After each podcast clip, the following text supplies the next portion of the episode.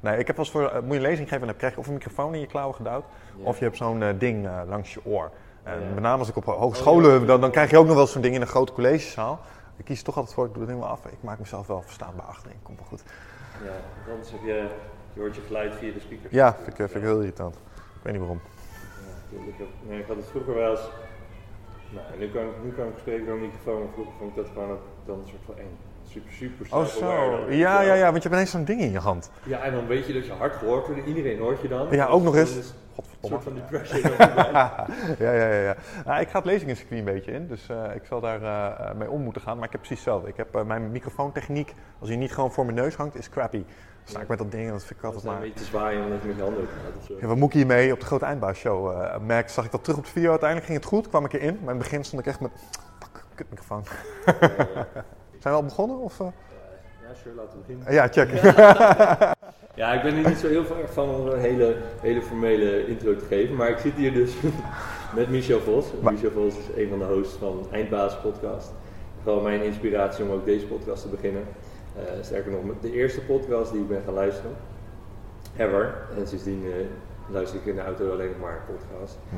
Omdat ik voor mijn werk gewoon elke dag minimaal een uur in de auto zit. Ja, Ehm, ik merk wel dat het nu meer ook een ding wordt van ook gewoon gezellig wat in de achtergrond aan hebben. Dat, dat ik er per se altijd heel veel van meekrijg. herken ik. Ja. Hoe is dat voor jou? Ja, idem dito. Eh, wij noemen dit altijd trouwens een rollende start. Als we gewoon een gesprekje aan het houden Mm. zijn en we rollen er gewoon zo half in, zo, dan komt daarna de formele stukjes toch altijd iets relaxter op een of andere manier. Ja. Maar eh, nee, nee, herkenbaar. Ik eh, luister, ja, wij zijn ook begonnen met podcast omdat we zelf podcasts luisterden.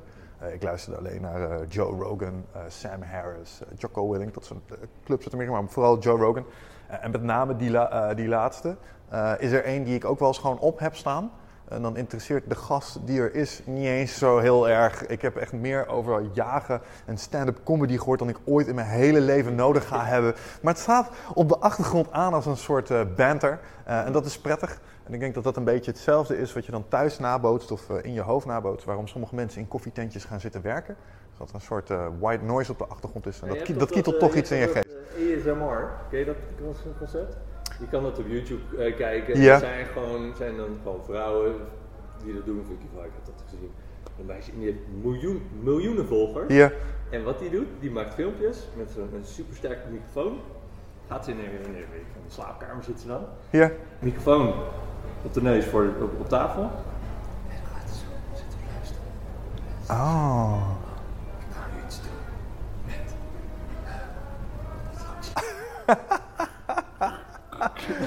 What the fuck? ja, ja, het internet is een mooie plek. Ja. ja, ja, er zijn mensen die gaan gewoon ritselen met dingen. En dat is een hele markt om, om op te zetten voor inderdaad voor als mensen willen gaan slapen of Ja. willen werken. Een soort van dat er dus eh schijnbaar. eh, het is een beetje hetzelfde concept als eh, ja, wat ik chill vind is we, als mijn vriendin om mijn hoofd zit te krabbelen. Mhm. Dat is fijn. En, dat, en misschien is het ook wel het geluid. En zo zijn er bepaalde ASMR-triggers. Waar mensen dan gewoon helemaal lekker gevoel voor krijgen. Ah, interessant. Ja, dus er, zijn, er is een bepaald soort geluid dat iets bij je triggert. Dat geeft je een bepaald prettig gevoel en daardoor kun je... Ja, ik, ik, ik snap het. toch een beetje die ruis. Ik luisterde vanochtend eh, eh, nog in de auto de podcast met eh, Mark Tichelaar. Die ook zegt ja, je hebt je, hoofd, eh, je moet gewoon een beetje afleiden. En als je met goede dingen afleidt, dan brengt het je meer in de zone. Dat is exact waarom ik... De, ja, exact. Dat is ook waarom ik het eigenlijk doe. Eh, het is interessant. als, je, als je kijkt naar... Mark Tichelaar was een van de jongens bij Eindbazen. Dat gaat over focus en concentratie. En hoe je ja, meer productiviteit uit je dag kan halen. En een van de dingen die we bespraken was... Joh, sommige mensen die lijken afgeleid door externe prikkels op het moment dat ze zich concentreren. Maar ik lijk eronder te gedijen. Dus ik zet soms meerdere prikkels naast me aan. eh, als ik mijn concentratiewerk ga doen. Hij zegt, dat komt omdat je waarschijnlijk de, eh, ben je iets aan het doen wat niet al je capaciteit op, opvreet. En dan gaat je geest gaat wanderen. Maar als je dat vult met andere dingen, zoals die geluidjes waar we het net over hadden, dan kan je wel weer concentreren. En dat vind ik echt fascinerend. Dat, dat, dat zijn van die kleine trucjes, die kun je gewoon gebruiken om nou ja, de mancootjes die je in je psyche, hersenen of je manier van werken hebt, te counteren. Dat is echt geweldig. Dat is ook een van de redenen waarom we zijn gaan podcasten, om dit soort ja, leuke shit op te gaan halen. Ik bedoel, ik denk, eh, een soort gelijk aan jezelf. Moet even, eh, voordat we begonnen het erover hadden. Eh, het is een fantastisch medium om allerlei kennis, eh, die je anders nooit had verkregen, in ieder geval eh, toch op een of andere manier tot je te nemen. En wat me altijd opvalt, is ook al zet je het in, eh, zoals we het zojuist zeiden, blijft toch iets van plakken. Sterker nog, je mag eigenlijk ook wel blij zijn als je iets een uur hebt geluisterd en dat je er één ding gewoon van meeneemt en dat je dat dan ook gewoon echt gaat toepassen. Ik denk, nou, dan is het al, is het al winst. Ja, dat denk ik wel. Dat denk ik wel. Maar tegelijkertijd weet ik bijna zeker dat het je toch laat op een of andere manier. Want als, als ik nu een paar dingen zou gaan zeggen eh, over concentratie, focus en dat soort dingen. Je hebt het al gehoord bij, bij Mark. Ja. En nu zou je toch zeggen van, oh ja, oh ja, ja. ja. En, en de truc is, nu heb je het één keer gehoord. Dus stel je komt het nu vanuit elders nog een paar keer tegen. Dan stijgt dat en voor je het weet vertaalt het zich naar iets van een gewoonte. Eh, maar je moet het een paar keer tegenkomen. Is. Interessant, leuk. Ja. En dat was grappig. Ik, triggerde me net ook wel met eh, Joe Rogan. dat Van, ja, dat is gewoon chill om gewoon in de achtergrond aan te hebben staan. Maar een van de redenen voor mij daarbij is ook wel. Het voelt zo, zo natuurlijk. Het is gewoon. Ja, die gast heeft natuurlijk ook gewoon, weet ik veel, 1300 van die, van die podcasts al opgenomen. Ja, ja, het is belachelijk. En, en als presentator gewerkt. Dus hij is natuurlijk extreem comfortabel in dat hij, of er nou een microfoon of de camera aanstaat of niet, het zal waarschijnlijk echt in een reet boeien. Nee, nou ik denk dat dat een van de leukste complimenten is die we zelf kunnen krijgen op het moment dat we interviews doen. Is dat mensen, eh, die komen dan wel eens naar toe en zeggen, hé, hey, we luisteren podcast. Weet je wat ik het leuke vind? Is dat ik het gevoel heb dat ik ernaast zit en elk moment kan inspringen. Als ik dat terughoor, dan denk ik, ah yes, we hebben het goed gedaan. Want dat is precies het gevoel wat ik had toen ik naar die Joe Rogan podcast luisterde. Het zijn conversaties. En dat is iets anders dan een debat, dat is iets anders dan een interview. Het zijn gesprekken. En dat is wat het interessant maakt. Uh, want uh, de interviewer die zijn standaard lijstje afratelt en dan mag de autoriteit er even iets over zeggen, dat is een bepaalde manier van zo, dat is een bepaald format. Maar een, een longtail format waarbij het gewoon een gesprek is, iets wat, wat wij ook van Joe Rogan hebben afgekeken is 2,5 uur, 3 uur, uh, sommige zijn 3,5 uur ook bij ons.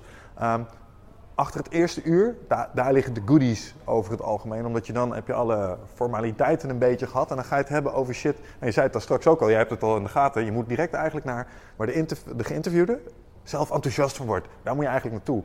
En in een interview heb je het het eerst over de standaard dingetjes. En dan kom je, wat is zijn spiel? Al even een boekje geschreven, dan moet je het daarover hebben, weet je wel.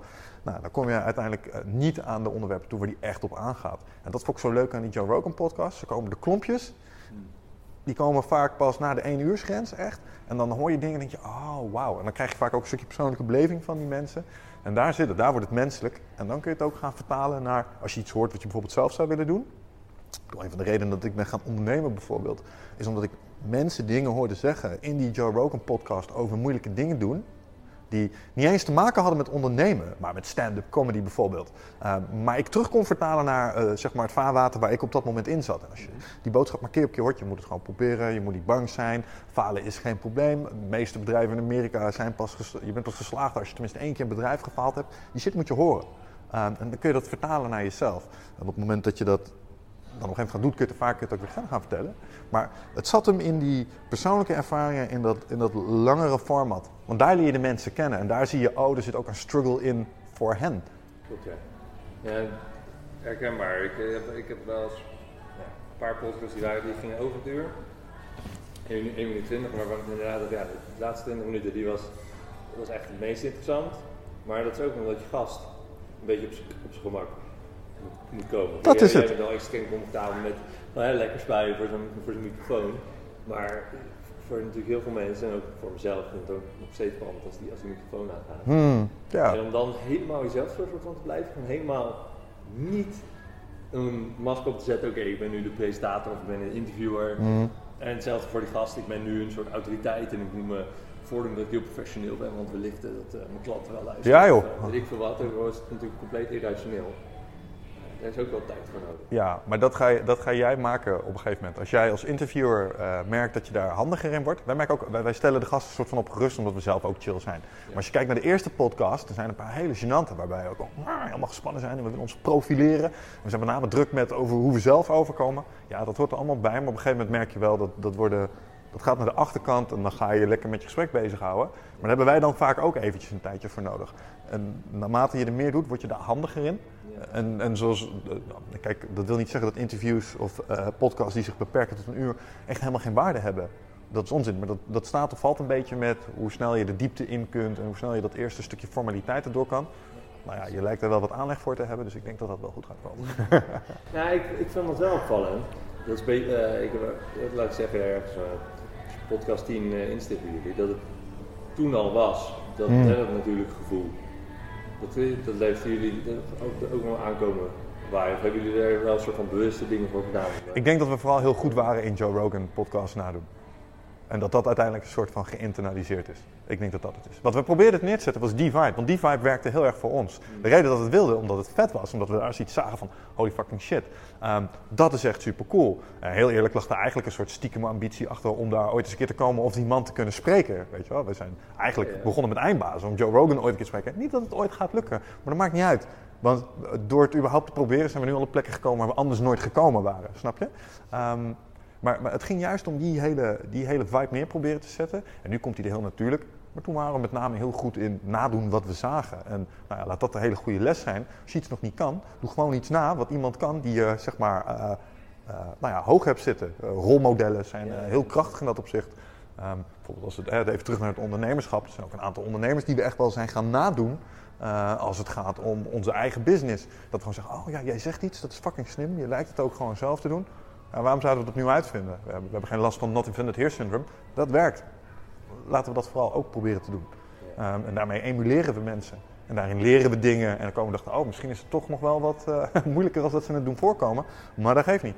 Uh, want we hebben het nu in ieder geval geprobeerd omdat we iemand zijn gaan nadoen. In ieder geval staat hier dan. Je hebt een plannetje. En je gaat bewegen, wat in alles van het leven ongeveer het allerbelangrijkste is wat er is. Zo'n confronterende, confronterende waarheid dat die, die dat zelf heel goed weet en ook tegen andere mensen zeggen. En dan toch dat er momenten natuurlijk weer zijn, ja, in ieder geval dat ik in de valkuil stap van toch weer in het nadenken en oh, dit, het goede plan hebben en dat. Mm. Toch weer iets heel ah, onze, Een van onze leukste gasten, Michael Pilacic, heeft een hele mooie gevleugelde uitspraak over. Je kent misschien wel Move Before You're Ready. Hmm. Omdat de meeste mensen die, die iets willen gaan doen, vinden ze eng. En zijn aan het wachten op het perfecte moment, uh, het perfecte plan, uh, de kans waar ze op zitten te wachten. Maar die komt niet altijd. En soms moet je hem een beetje afdwingen. En dat gebeurt pas nadat jij een, een, een uitgifte doet van tijd en energie. En dat is wat proactiviteit is, zeg maar. Dat is wat actie is. En als je dat doet, dan gaan dingen wel weer bewegen. Alleen wachten op het moment. Maar tegelijkertijd, ik zou niet streng zijn voor mezelf, want je zit hier al. Je bent toch shit aan het doen, snap je? Dus uh, het bal is aan het rollen. Dat is het belangrijkste. ja, klopt. Ja, zie, jullie, uh, zie, zie, jij, uh, is eindbaas voor jou is een hobby of een bedrijf? Um, nou, het is zeker geen bedrijf, omdat het, nou ja, misschien ook wel. Laat het, zo het, is het slechtste bedrijf dat ik momenteel heb. en wel om de reden dat het echt geen cent oplevert. Het heeft wel eens wat opgeleverd, maar als ik dat tegenover de kosten zet die het allemaal gemaakt heeft, dan staan we daar ver, ver, ver in de min. Toch zou ik, uh, als alles morgen stopt, uh, zou ik, als, en ik moest één ding kiezen, zou ik daarmee doorgaan. Want dat is eigenlijk gewoon een uit de klauwen gelopen hobby.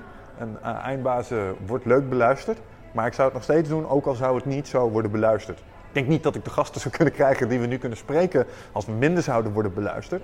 Maar het idee van interessante gesprekken voeren, daar iets van waarde in vinden en, en, dat weer terugvertalen naar mijn eigen leven.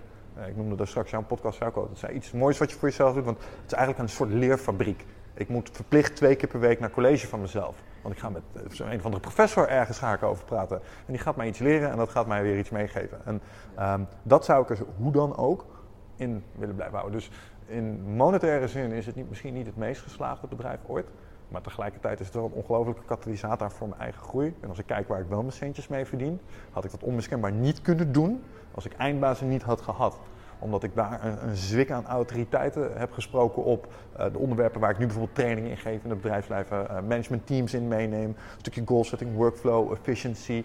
Uh, nou, je had het er straks over Mark Tichelaar. Door dat soort slimme jongens te spreken als het bijvoorbeeld gaat over hey, time management, workflow, dat soort dingen. Um, heb ik zelf ook heel veel kennis opgebouwd in bepaalde gebieden die ik op een gegeven moment ben gaan vermarkten. ik heb coachingsaanvragen gekregen, klusjes gekregen, sprekersaanvragen, omdat ik die podcast heb.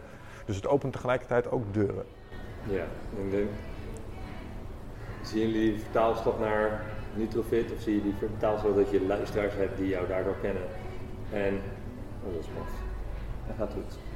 Anyway, um, nee, hoe, je de weerslag ziet is, uh, als, wat we merken gewoon is die podcast die, uh, die wordt bekeken, maar vaak bekeken door de, door de fans van de mensen die we interviewen. Dus stel je voor, ik uh, spreek Mark Tichelaar. Ja. Mark Tichelaar die heeft een achterban, want mensen volgen hem. Mark die publiceert dan, ineens komen mensen het interview kijken en een paar, een paar daarvan die blijven hangen.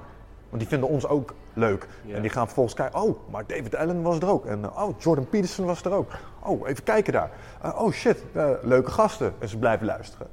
Um, en wat je dan vervolgens merkt is dat die groep mensen die blijft plakken, die is best wel groot geworden. We zitten inmiddels op bijna een miljoen downloads per maand. Dat is best wel lekker. Ehm, en binnen die groep mensen ehm, zitten mensen die ons zo leuk vinden dat ze bijvoorbeeld, uh, nou ze komen er plots achter, oh die jongens hebben ook Nutrofit. Nutrofit is een supplementenwebshop. Als je teruggaat naar Joe Rogan, wij zijn begonnen daarmee omdat wij luisterden naar Joe Rogan. Daar had hij een reclame over Alpha Brain. Wij werkten nog op kantoor. Het beloofde meer focus en energie en daadkracht. Iets wat erg goed klinkt als je 50, 60 uur week aan het draaien bent. Dat je denkt, ja dat wil ik hebben, want ik wil, uh, we waren van die carrière go-getters. We wilden graag klimmen in die club waar we werkten. Um, en we wilden eigenlijk die potjes hebben. En toen zijn we op een gegeven moment zijn we die we dachten, oké, maar eens een potje is 75 euro, is fucking duur. Hé, uh, hey, Wig, jij wil er ook een paar, toch? Ja, wat nou als ik er 10 koop, jij 10? We hebben 20 samen, verkopen er nog een paar aan onze collega's. En dan zijn ze per potje geen 75 euro, maar 45 euro, weet ik veel. Ja, dus ik een mailtje sturen naar die lui on it. Hey, kunnen wij 20 potjes kopen? Die lui hadden iets van 20 potjes. Het zal wel een reseller zijn. Ze hadden wel een webshop willen starten, want anders vraag je geen 20 potjes, toch? Nee, wij zijn Nederlanders, we willen korting. maar toen stuurden ze ons de resellerlijst. Dus de lijst die mensen die uh, on-it spullen bijvoorbeeld in het buitenland wederverkopen, uh, wat zij betalen. Dus mijn, de inkooptarieven voor business. Dus de retail. Dus wij zo, oh, oké, je kan die marge opmaken. Oh, dat is interessant. Uh, en toen hadden we zoiets, maar wij zouden misschien wel distributeur willen worden in Nederland. En we kennen toevallig mensen die in de supplementenbranche die waren er nog niet. Die waren er nog niet. Oh, dat product was er niet. Dus wij zijn on-it in Nederland uh, gaan importeren. Ja. Toen werden we distributeur van de Benelux. Um, en dat is dus helemaal ingericht conform, als ik zei, ik heb me laten inspireren door andere mensen. Het gaat om ondernemerschap. Is conform uh, Tim Ferriss' 4-Hour Workweek. Ik weet niet of je dat kent. Um, komt feitelijk neer op je, al je primaire bedrijfsprocessen zijn te protocoleren en uit te besteden. Uh, ik heb een supplementenwebshop. We versturen honderden pakketjes per dag. Ik zie de pakketjes niet. Ik raak ze niet aan. Ik bepaal alleen samen met Wichert welke producten we voeren. Want die vallen binnen een bepaalde strategie waar wij in geloven als het gaat om voedingssupplementen. Wij komen uit de sportwereld, we weten er wel iets van. Uh, we menen te denken dat, uh, dat er kwaliteit ertoe doet. Uh, en wij willen dus uit een bepaald segment willen we high-end kwaliteit supplementen. Maar we zouden niet zomaar alles in ons lijf gooien. Dus wij zijn dat soort supplementen op een gegeven moment gaan importeren. Want dat Alpha Brain, dat was ook iets. Dat wilden we. Maar we wilden niet de standaard cafeïne tabletten die je bij de tuiner kon halen, want dat was ook niet wat. Dus op die manier. Um, en wat je dus merkt is, dat stond op een gegeven moment. Toen zijn we gaan podcasten. Het is zo, de kosten van de podcast worden in principe gedekt door wat we met Nutrifit verdienen. Uh, en, en, omdat we het conform voor our workweek hebben ingericht, dus al die processen eigenlijk op autopiloot hebben, hebben we daar ook de handen voor vrij. Dus dat is het fijne. En wat we dus zien is dat mensen die dan naar die podcast luisteren, en die komen uit andere fanbases, dat ze blijven hangen. En dan denken, oh, sympathieke lui. En dan horen ze onze uh, advertenties van Nutrifit. Oh, dat is ook van ze. En wij hebben een kortingscode, eindbaas. Dan kun je bestellen bij Nutrifit. Dan krijg je 5% korting. En dan kunnen we dus zien wat de conversie is. En dan oh, zie je dus inderdaad... Je ziet klanten die niet de kortingscode gebruiken versus die wel. En dan, weet ik, en dan weet ik ongeveer... Ja, en, en, soms zijn er, en er zijn er waarschijnlijk mensen zijn die de kortingscode niet gebruiken, die wel naar eindbaas luisteren. Maar er, zijn, er is ook een hele club mensen die ook naar, die dus naar eindbaas luistert en bij Nutrifit bestelt. En dat kunnen we meten door onder andere die kortingscodes te verstrekken. Soms doen we een actiecode en dan zien we dat, oh, er is ongeveer zoveel dus op de zoveel downloads converteert er zoveel naar een bestelling bij Nutrofit. Dus dat gebeurt wel echt. Dus dat is leuk. Dus daar zie je ook het businessmodel van eindbasis. Als we kijken naar wat er uitgaat, maar we zouden meten wat er aan de andere kant bij Nutrofit uh, binnenkomt. Ja, dan is de eindbasis fanbase nog steeds niet voldoende om de kosten van een studio, al het materiaal, de tijd die we erin steken te dekken. Uh, maar je ziet wel dat het effect heeft op de Nutrofit ja, business. Had de, had, de, had de webshop ook goed genoeg geweest? Ja, als ja, ja, ja, als eindbaas zou wegvallen, dan zou Nutrofit nog steeds staan als een huis. Okay, dat, is dat, dat, is niet hetgene wat het maakt of breekt. Nee. nee. Want hoe, uh, daar ben ik ook benieuwd naar. Um, met een webshop, wat is jullie, nee, wat zijn jullie primaire manieren hoe jullie traffic krijgt naar jullie webshop? Ja, um, sterke merken hebben waarop gezocht wordt. Het mooie, het mooie uh, succesverhaal van uh, Nutrofit was destijds ik ben webdesigner geweest. Ik kan webshops bouwen. Um, ik ben een heleboel dingen geweest in mijn leven, maar dat is van een van de skills waar ik heel veel aan heb gehad als ondernemerschap. Weten hoe WordPress werkt en een website kunnen bouwen. Dat opent zoveel deuren voor je die normaal bakken met geld kosten in webdesign. Dat is echt een skill die zou ik iedere ondernemer aanbevelen. Leer even hoe je... Relatief makkelijk. Ja, het, echt serieus. Met een paar video's kijken heb je het onder de knie. Uh, als je het echt niet kunt, dan wil je het gewoon niet. Snap je? Dus, uh, en met, vooral tegenwoordig met templates.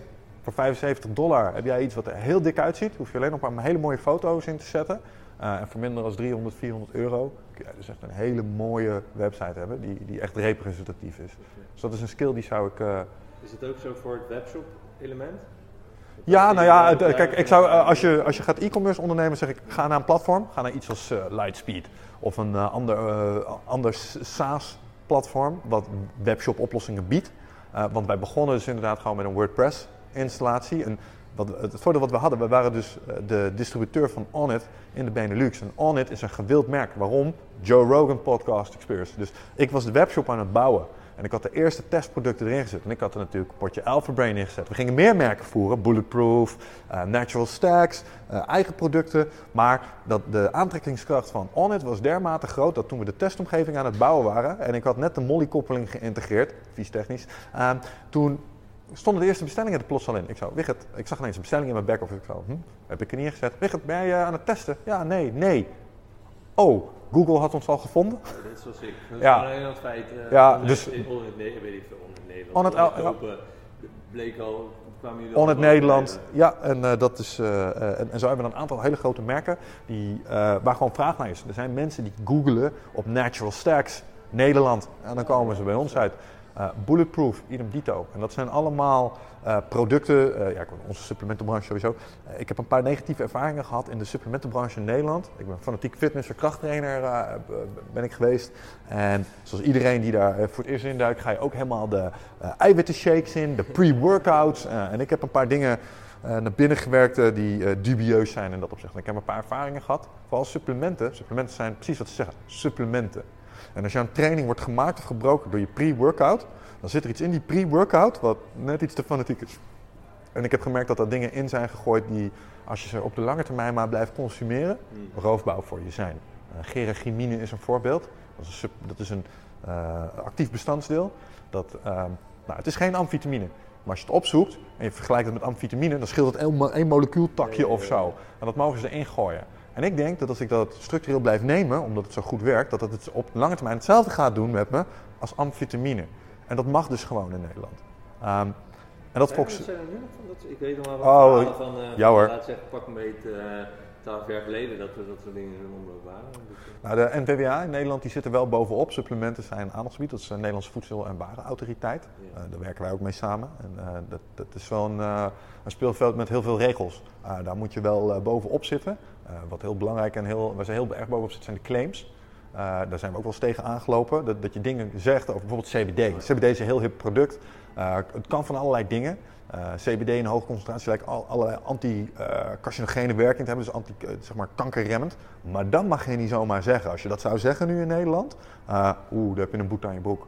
Want het is niet bewezen, het is een claim, het heeft te maken met gezondheid. En dat kan consumenten potentieel op het verkeerde been zetten. En dat, daar zijn ze in Nederland heel scherp op. Ik vind dat heel goed dat dat er is. Maar het is wel een speelveld wat lastig navigeren is soms. Want wij krijgen ook productteksten aangeleverd. En wij moeten nog zoiets uit Amerika krijgen. Waar je een beetje alles mag zeggen. Dan moet daar iemand overheen. En die heeft de richtlijn van de Europese Unie. Dit mag je dan niet zeggen over supplementen. Dat moeten we helemaal uitkleden. En dan moeten we een paar general statements doen. En dan moeten we maar hopen ehm, dat mensen die bijvoorbeeld, want dat is een andere manier om mensen naar te kijken. Merkbekendheid is eens. Mensen zoeken heel gericht op een merk. ja. Een andere is bijvoorbeeld de supplementen. eh, minder spierpijn. ja. Nou, dus en en dan- een oorzaak en een probleem. met- Zoektermen, ja, dus of eh, beter slapen. Eh, en als ik bijvoorbeeld in, nu bij een supplement zou zeggen beter slapen, dat mag ik niet zeggen. Ondersteunt mogelijk bij betere slaap. Dat mag ik wel zeggen. En op die manier moet je dus, zeg maar, in dat speelveld moet je zoeken dat, dat je SEO optimaal bent. Eh, en dat is, wel, eh, dat is wel eens zoeken geblazen. Ja, dus dat is voordat je op Google makkelijk bent. Ja, op de producten zelf, op, op, een, op een indicatie. Bijvoorbeeld betere concentratie, eh, spierherstel, sterker worden, weet ik veel. Waar mensen maar op googelen. Nou, we, we hebben inmiddels een team, die zijn heel goed in kijken op welke sleutelwoorden mensen binnenkomen en dat optimaliseren. Dat is nog wel een vak apart, CO-CA-optimalisaties. Ehm, en dan hebben we nog een derde bron van zeg maar, bezoekers. Kijk, eigenlijk is een webshop runnen is het volgende spelletje. Het is bezoekers keer je conversie. Dus ik weet hoeveel bestellingen of hoeveel bezoekers een bestelling worden. Dat is ongeveer 4,2% op dit moment. Eh, dat is hoog. Ehm, dus voor elke 100 bezoekers bestellen er 4. Ja. Voor gemiddeld 90 euro. Nou, dan kan ik een spelletje spelen. Dus als 1000 bezoekers dat genereert, dan moet ik zoveel hebben om dit te genereren. Snap je? Dat, dat, daar wat, Ja. dat, dat geeft je wat sturingsmechanismen. Dus het is geen exacte wetenschap, maar het geeft je iets van een indicatie. Nou, dus wat dan vervolgens belangrijk wordt, is dat je dus gewoon bezoek genereert. Op bronnen die doorlinken naar je producten. Bijvoorbeeld door blogs. Maar dat is ook een vaarwater. Ik mag niet zomaar blog schrijven over van alles en nog wat. Eh, weet je wel, ja, productomschrijving staat hey, uh, ondersteunt mogelijk bij beter slapen, weet je wel, binnen de regels. Maar dan mag ik niet daarnaast een blog publiceren. Ja, slaap is 100% beter met dit product, dat ik er gewoon een contentstukje over maak. Dat mag niet. Dat hebben ze ook in de gaten. Niet op dezelfde website of op een andere website? Ja, maar dat, dat is een ninja move. Want als ze er dan achter komen dat jij erachter zit, dan heb je alsnog een probleem te pakken. Als jij daarentegen als consument, iemand die bij mij koopt, er een blog over wil schrijven omdat je er helemaal lyrisch over bent, dat mag wel. Maar zodra ze erachter komen dat ik het ben die dat achter... Dus nee, ja, dat is oneigenlijk. Ja. Ja. dat mag niet. En terecht overigens, want stel je toch eens voor dat mensen dit zouden inzetten om... Uh, nou, bijvoorbeeld als een, als een uh, laten we het, vaccinaties. Neem dit supplement en je kind hoeft niet te worden gevaccineerd. Dat zou dan kunnen. En dat moet je vermijden, want dan, dan kom je in potentiële gevaarlijke situaties. Dus ik snap dat speelveld, alleen dat is wel eens even zoeken geblazen. Hoe je je, je, je content, dus bezoek kunt laten genereren. En dat doen we dus enerzijds via blogs en artikelen. Uh, ook een tijd geprobeerd via een podcast, dus een Nutrifit podcast hebben we ook gedaan. Alleen dat was een podcast die runde ik naast eindbazen en dat blijkt te veel. Mijn creatieve energie. Ik, ik, kan twee, drie podcasts eruit poepen per week, maar dan ben ik wel echt getapt. Uh, ik weet niet of, hoe jij dat ervaart na een podcast, maar daar ben je best wel moe van na de tijd. Dat kost veel mentale ja, energie. Dat ik misschien een uurtje doe. En, ja, en ik heb, ik heb één studiodag. Ja, we hebben de donderdag en dan zitten we er en dan nemen we er soms drie op. Ja, dat is echt ja, en dat zijn dan soms, soms zijn ze twee uur, soms tweeënhalf uur achter elkaar. Even wat eten en dan uh, gewoon nog een keer. Uh, maar ja, ligt niks aan bij druk jongens. Dus het is lastig om uh, door de week heen zo even lukraak dat te organiseren. We moesten gewoon één dag prikken en dan zitten we daar en dan doen we dat gewoon één keer als contentdag. Maar dat, dat is een goede manier. Dus het produceren van uh, podcast en content. Om in ieder geval in Google onder boven te komen. Dan komen mensen naar je website. En als die content maar goed is. Wicht heeft ook een tijd lang hele mooie productvideo's gemaakt ging gewoon op een stoel zitten en vertelde hij over de producten. Daar konden mensen naar kijken, vertelde hij over zijn eigen ervaringen. Uh, en dat vonden mensen vet. Dus daar kijken mensen naar en dat geeft een. Ja, en dat geeft mensen inzicht in wie erachter zitten. Ik heb op Nutrifit een aantal artikelen zelf geschreven. En als mensen dat lezen, dat vinden ze leuk. Oh, dus dit zijn de boys die erachter zitten. En dan hebben we ook nog eens een uh, portfolio van inmiddels uh, bijna 160 interviews. aan twee, drie uur. Dus mensen kunnen wel een beetje een indruk krijgen van wie de boys zijn die erachter zitten. Ja, dat maakt het ook heel persoonlijk. Uh, dus dat is ook wel een goede, een beetje gezicht geven eraan. Um, want er zijn dus mensen die naar eindbazen luisteren, die wel daadwerkelijk ook bij Nutrofit bestellen. En ik, ik, ik heb nog nooit echt uitgerekend wat de gemiddelde ordewaarde is van iemand die eindbazen luistert en bij ons bestelt. En of dat nog verschilt ten opzichte van de gemiddelde klant. Oh, zo, ja. ja, het zou maar zo kunnen zijn dat die iets meer een gunfactor, die, die bestellen net even iets extra of zo, weet ik wel. Of van onze eigen producten, omdat ze vermoeden dat de marge daar beter is. I don't know. Of iets bestellen wat ze eigenlijk helemaal niet nodig hadden, maar gewoon bestelden omdat ze iets wilden bestellen bij ons. Dus uh, zodoende. Is het nou uh, volledig volledig toeval dat jullie in dit geval nu het eerst zijn gestart? Of waren jullie al van, hey, we willen iets gaan doen, we weten niet waar nog in, maar uh, hmm. wacht je opportunity en toen kwam uh, die resellerlijst en dat je denkt, ja, laten we hier eens inspringen? Nou, nee, er is wel een duidelijke oorzaak gevolg. Toeval, uh, ja, ik, geloof niet echt in, in, toeval. Er is altijd een oorzaak ergens van. En een van de oorzaken dat ik Nutrofund ben gestart is de belofte van het boekje The 4-Hour Workweek. Ik had het boekje van Tim Ferriss, The 4-Hour Body, al gelezen. En die doet zijn ding, is echt helemaal, oké, hoe kan ik een bepaald effect met een minimale effort bereiken? Uh, en ik kwam uit een periode waarbij ik net een burn-out had gehad. Ik kwam uit een druk IT-bedrijf. Uh, ik had een salesfunctie genomen, met name omdat het aansturen van mensen me bijna de nek om had gedraaid. Ik, het was gewoon te zwaar en te pittig. En dat, ik ben er niet voor gebouwd, laat ik het zo zeggen. Uh, er zijn andere mensen die dat vele malen beter kunnen. Um, maar het kwam voort uit de behoefte om niet meer zo druk te zijn. Ik had zoiets, 4-hour workweek. Sounds sweet man, hoe gaan we dat fixen? En wat wel toevallig was, is dat we net die potjes bestelden en dat we een resellerlijstje terugkregen. Oké, dat was wel even fortuitous. Dus daar hadden we, oh, oh ja, supplementen. En dat bleek een, een, een, klapper, dat was een succes. En daar hebben we heel veel mazzel mee gehad. Maar als het dat niet was geworden, had ik wel iets anders gevonden, omdat ik op, na het lezen van dat boekje open stond voor de kans iets wat, een, dat noemen ze dan een asset, iets wat inkomsten genereert, terwijl je iets anders aan het doen bent. Omdat op dat moment was ik al wel een klein beetje begonnen met het zelfstandig ondernemerschap. Um, in de vorm van trainingen geven in het bedrijfsleven. Ik, gaf trainingen in time management. Als ZZP'er? Ja, nou, ik was op dat moment nog in loondienst. En ik had gezegd, ik wil zelfstandig uh, ondernemer worden. Ik wil twee dingen gaan doen. Ik wil personal trainer worden. Uh, ik was helemaal van het, uh, de combinatie body-mind. was ook mijn way to recovery. toen ik in die burn-out zat, ik had mijn lijf helemaal verwaarloosd. En toen begon ik weer te trainen. En toen merkte ik, oh shit, dat werkt. Toen begon ik ook nog eens mijn werk te organiseren. Door een ander boekje wat ik had gelezen, Getting Things Done. En de combinatie tussen die twee, dus systeemwerken en vitaliteit, zorgde ervoor dat ik helemaal op de rit kwam. Hernieuwde energie, nieuwe focus, veel doelgerichter, veel efficiënter. En dat, dat viel de omgeving waar ik in opereerde toen, mijn collega's, viel dat op. Uh, en toen mocht ik binnen dat bedrijf, Topicus in Deventer, uh, mocht ik uh, bij andere divisies eens een keer zo'n time management training komen geven. En dan mocht ik wat centjes voor rekenen. oh, dat is leuk. En toen dacht ik, maar dat wil ik wel meer doen. Dus toen ben ik vanuit die zeilen mijn hand opgestoken en gezegd, oké, ik wil binnen nu en twee jaar wil ik graag afscheid gaan nemen. Ik wil hier een eigen propositie omheen gaan bouwen, want ik vind dit zo dik. en ondertussen begon Nutrofit al een beetje wat van centjes, ja, dat zetten we toen neer. Toen begon het centen te genereren. En dat sloot nog eens perfect aan bij die vitaliteitshoek ook. Binnen die, uh, vanaf begin af aan binnen die vier, binnen de vier uur. Hij zegt natuurlijk niet, je moet binnen vier uur doen, maar uiteindelijk... Nee, nee, nee. Voor our workweek is, is een leuk... Uh, er zit een voorinvestering in. Want Wigert en ik hebben heel lang zelf allerlei dingen gedaan die we pas uh, later zijn kunnen gaan uitbesteden. Um, kijk, waar ik heen wilde was, um, toen ik aan het zelfstandig ondernemer was, uh, met die time management trainingen, toen leerde ik, um, oh, ik ben hier eigenlijk gewoon nog steeds een verkapte loondienst. Want ik ben iets aan het verkopen aan een broodheer, soms voor een uurtarief. Ik heb ook een tijdje geïnterimd. Dan heb je eigenlijk heb je nog steeds een baas, die moet je nog steeds blij houden. En als hij niet blij is, dan houdt de, de stroom met centjes, als het echt niet goed gaat, op.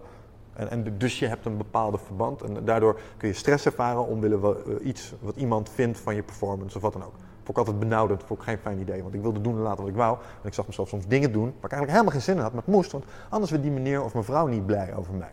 Um, en daar, daar we ook uit ontsnappen. Um, en toen leerde het boekje de 4 Work met ja, maar je moet denken in termen van passief inkomen. Nou is passief inkomen op zich een illusie. Ja, beleggingen. Als je heel veel centjes op, in de beleggingen zet, dan rendeert dat en dan kun je compounden, maar er zit nog steeds effort in. Maar wat, wat wel zo is, is dat een webshop, terwijl wij hier zitten te interviewen, Um, oftewel ik mijn dag aan het doen ben, uh, lopen daar centjes binnen. Ik kijk uh, regelmatig eventjes op de app en dan zie ik, oh, er zijn orders binnen. We hebben bepaalde richtbedragen per dag waar we voor gaan. Aan het eind van de dag kan ik zien of we dat wel of niet gehaald hebben. Terwijl ik allemaal andere dingen aan het doen was. En natuurlijk moet ik wel eens per week, we hebben eens per week nu een management call. Um, en dan sturen we alles bij, dan sturen we het team aan. We hebben nu drie jongens allemaal op ZZP-basis die dingen voor ons doen. Van de support tot de voorraadbeheer tot uh, de wat langere termijn projecten opzetten. Maar al die shit, die deden we aan het begin zelf. Het enige wat we nooit aan het begin hebben gedaan, is de pakketjes inpakken. Omdat we, dat was een van de eerste processen. En, en logistics, dat zit uh, ja.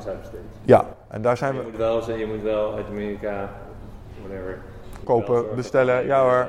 Uh, de support hebben we in het begin allemaal zelf gedaan. Dat is, ah, dat is, daar moest je achteraan. De, ik heb zelf nog producten zitten invoeren, zitten vertalen, uh, al die ellende.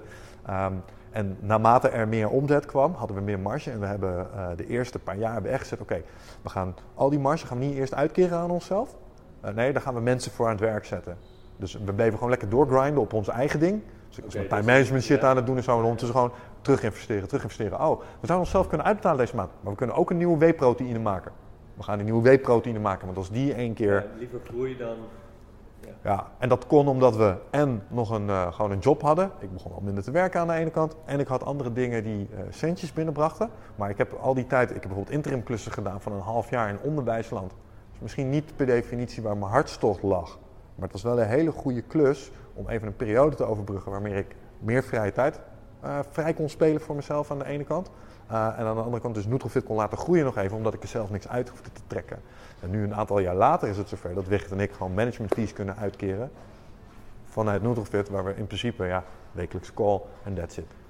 Dus het kan wel. En netto doen we nog wel wat dingetjes ernaast erbij, dus je komt wel in die vier uur zo ongeveer. Maar als ik al die, al die uren die we in de beginjaren erin hebben gestoken per week zou moeten uitsmeren over deze, dan is het geen voor hour workweek. nee. dan ligt dat beduidend hoger. Ja, je hebt uiteindelijk ook je hebt gewoon eerst een standaard nodig, anders, standaard, anders kun je niet ja. automatiseren. Ja, dat is het. En aan het begin ben je gewoon nog aan het, zoveel aan het experimenteren. Ja. Dan... Oh ja joh, we hebben dingen opgezet en af laten vallen die, waarvan we dachten dit wordt het helemaal, maar dat werd het toch niet. En dat hoort er allemaal bij. Dat, is, dat is ook het leuke aan ondernemen tegelijkertijd. Ja. Want als er dan iets is wat wel werkt, dan is het ook echt van, ah kijk dat, dat is alleen leuk als er vijf dingen eerst helemaal mis zijn gegaan. Of het is leuker als er vijf dingen eerst helemaal mis zijn gegaan. Hoewel die vijf individuele dingen waren niet zo heel leuk om door te gaan. En bij de vijfde keer denk je ook wel van, hm, vraag me af of dit goed komt. Maar als het dan werkt ineens, dan is het er ook wel. Ja. Alright, dus nu uh, gemiddelde de week van Michel Vos. Hoe ziet het eruit?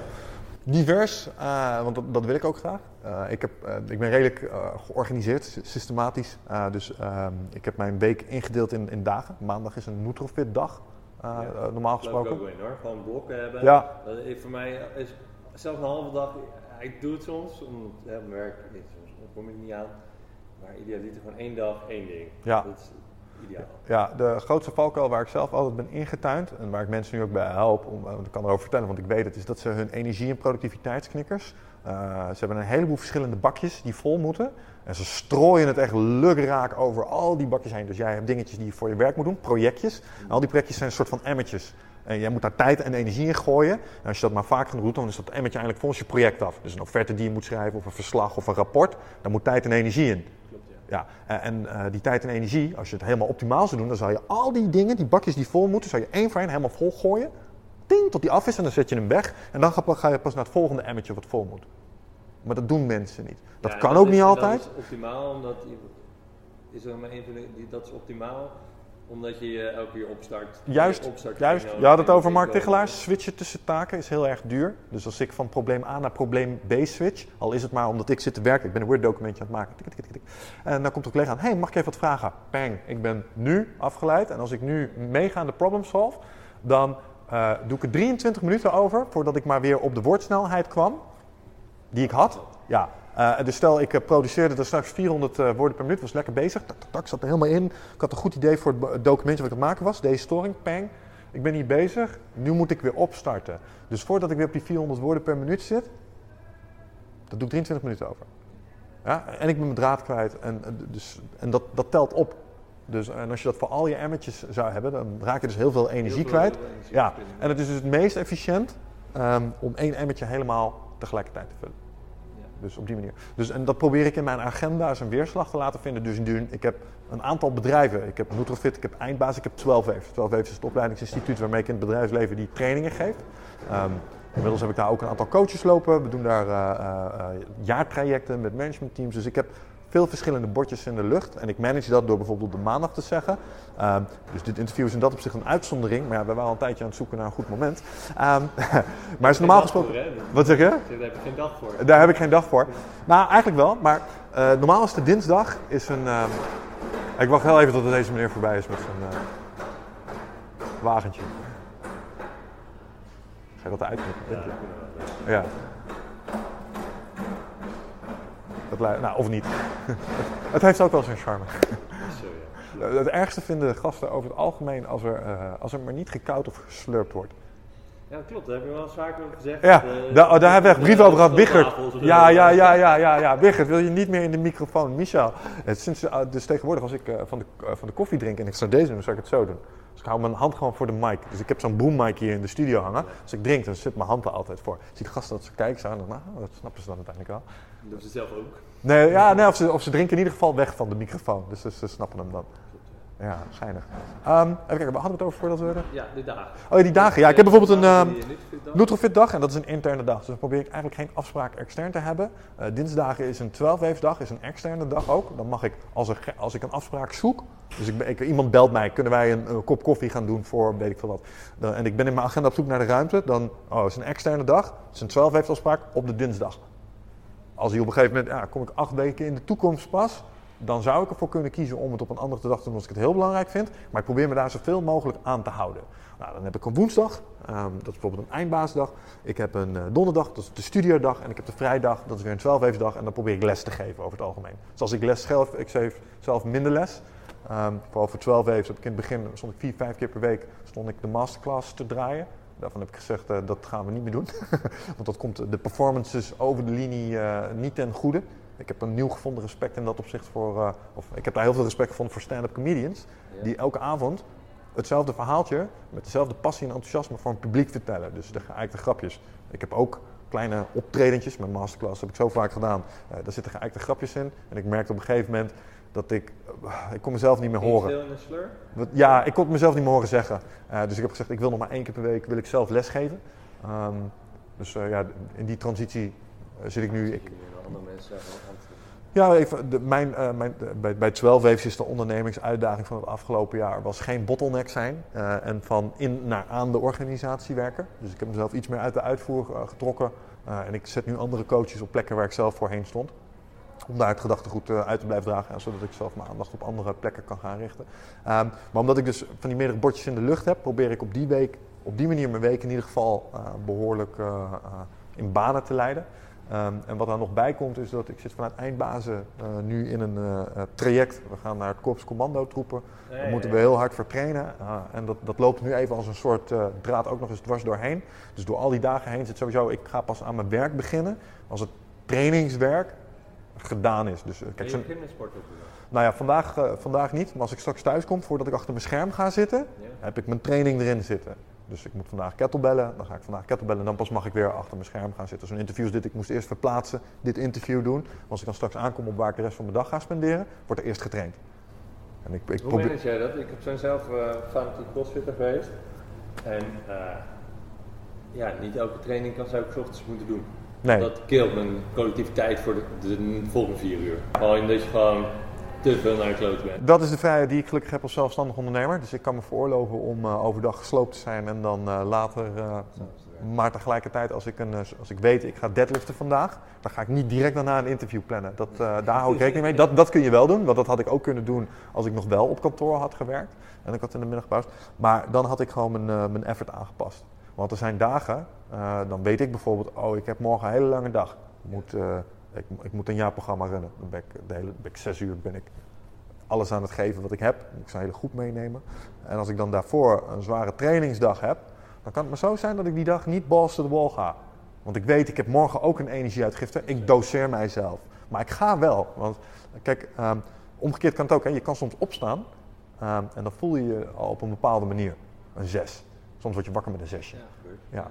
Op, op zo'n dag hoef ik geen acht te geven op training wat ik dan belangrijk vind, is dat ik consistent ben geweest. Dus ik ben gegaan en ik gaf een 6 of een 5. Misschien zelfs wel een 5. Want ik weet dat ik morgen weer een 8 moet gaan geven op die masterclass waar ik mijn centjes verdien.